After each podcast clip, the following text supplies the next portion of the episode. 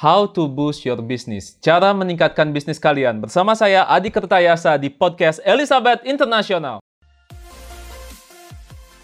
Oke, adik-adik Asian yang sudah mulai memiliki bisnisnya atau yang sudah mulai merintis bisnisnya, pasti pernah berpikir, gimana sih caranya saya meningkatkan penjualan? Gimana saya bikin usaha saya ini jadi lebih besar?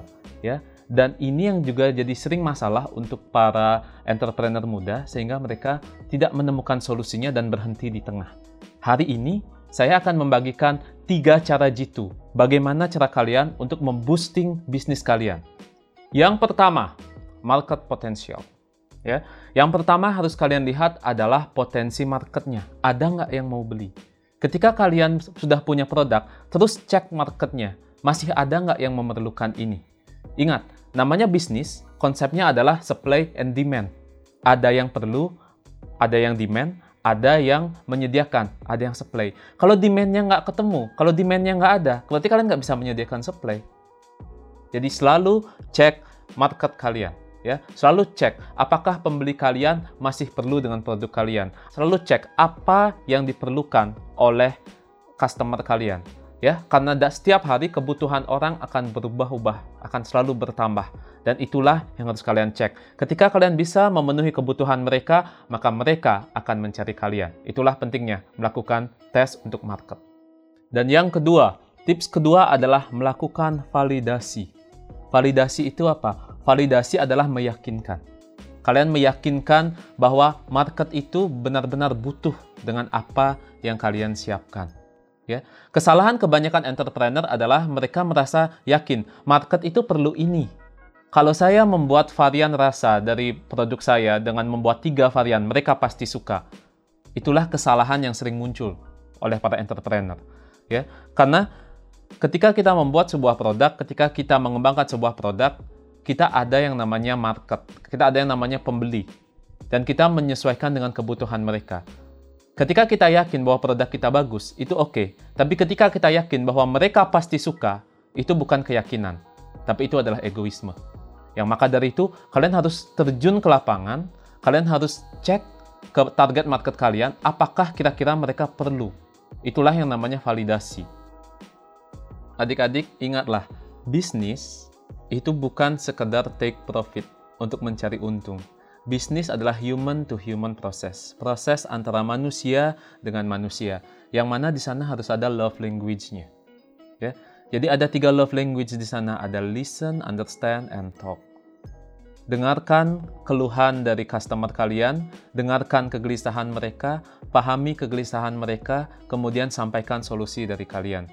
Ketika kalian mampu memahami kegelisahan mereka, ketika kalian mampu uh, memberikan solusi, maka kalian adalah orang pertama yang mereka cari. Bisnis yang kalian tawarkan adalah hal pertama yang mereka cari. Seperti pada saat kondisi sekarang, ketika segala hal serba dibatasi, bahkan keluar rumah untuk cari makanan dibatasi. Kalian cek ke lapangan, kalian cek dari sosial media, postingan uh, para market target market kalian jika mereka memiliki kegelisahan, ingin makan ini, ingin makan itu, tapi kemudian mereka terhalang karena dibatasi untuk keluar rumah. Di sana kalian berarti sudah mulai listen, mendengarkan, kemudian pahami apa sebenarnya yang mereka butuhkan. Sekali lagi, yang kalian pahami adalah apa yang mereka butuhkan, bukan yang mereka inginkan. Henry Ford, pendiri Ford, pernah berkata seperti ini. Dia pernah bertanya pada target marketnya. Mereka bertanya, dia bertanya apa yang mereka inginkan.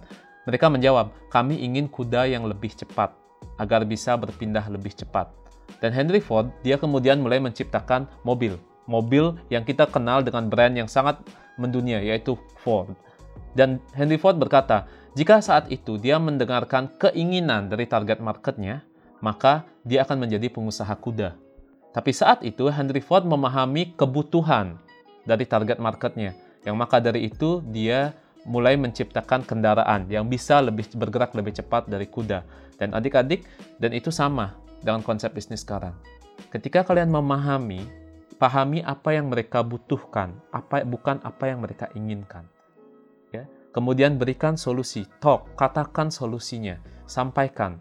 Misalnya kalian buat promo makanan delivery dengan bonus sekian sekian sekian atau dengan tambahan sekian sekian sekian, itu akan menjadi solusi, itu akan menjadi jawaban untuk kegelisahan mereka. Dengan menerapkan listen, understand, and talk dalam bisnis, kalian bisa menjadi top of mind, menjadi menjadi bisnis yang paling pertama diingat oleh target market kalian ketika mereka memerlukan sesuatu. Dan tips ketiga, tips terakhir adalah show that you exist. Tunjukkan bahwa kalian itu masih eksis, kalian masih ada. Tidak peduli entah bisnis kalian hari ini ada penjualan, entah besoknya tidak, entah setiap satu minggu penuh selalu ada penjualan, atau sebaliknya selama satu minggu penuh belum ada penjualan, tetap tunjukkan bahwa kalian eksis. Ketika kalian menggunakan platform, pakai sosial media, selalu posting, selalu posting setiap hari. Ketika kalian misalnya punya toko, punya kios, buka setiap hari. Tujuannya apa? Untuk menunjukkan bahwa kalian masih eksis, kalian masih ada dan juga untuk menunjukkan bahwa kalian dalam kondisi yang baik-baik saja. Ya, karena prinsip psikologis manusia adalah sama seperti burung. Mereka akan berkumpul di mana di sana ada tempat yang ramai. Di, mereka akan uh, berkumpul di mana di, di mana tempat itu selalu ada. Oke, jadi artinya ketika bisnis kalian mengalami penurunan atau ketika sedang selalu ada di titik yang sama, kalian di sana harus konsisten, selalu posting, selalu buka bisnis kalian dan dengan begitu, mereka akan melihat bahwa bisnis kalian selalu ada dan kian lambat laun mereka akan tertarik. Ya, mereka akan tertarik. Target market yang kalian lihat, followers kalian atau mungkin orang yang lewat di usaha kalian, ketika setiap hari melihat kalian buka, mereka akan tertarik. Ya, mungkin postingan pertama biasa saja, kedua biasa saja, ketiga mereka mulai tertarik, keempat mereka mulai nanya-nanya, kelima mereka masih mikir-mikir, keenam mereka mau beli. Prosesnya panjang, iya. Karena itulah sebuah bisnis disebut sebagai lifelong learning. Tidak ada pola yang membuat orang akan 100% membeli produk kalian saat itu. Tapi dengan pola yang tadi disampaikan, kalian bisa menarik customer kalian. Mereka akan beli. Mereka akan menjadi customer kalian. Tapi mungkin tidak hari ini, mungkin besok, mungkin seminggu kemudian.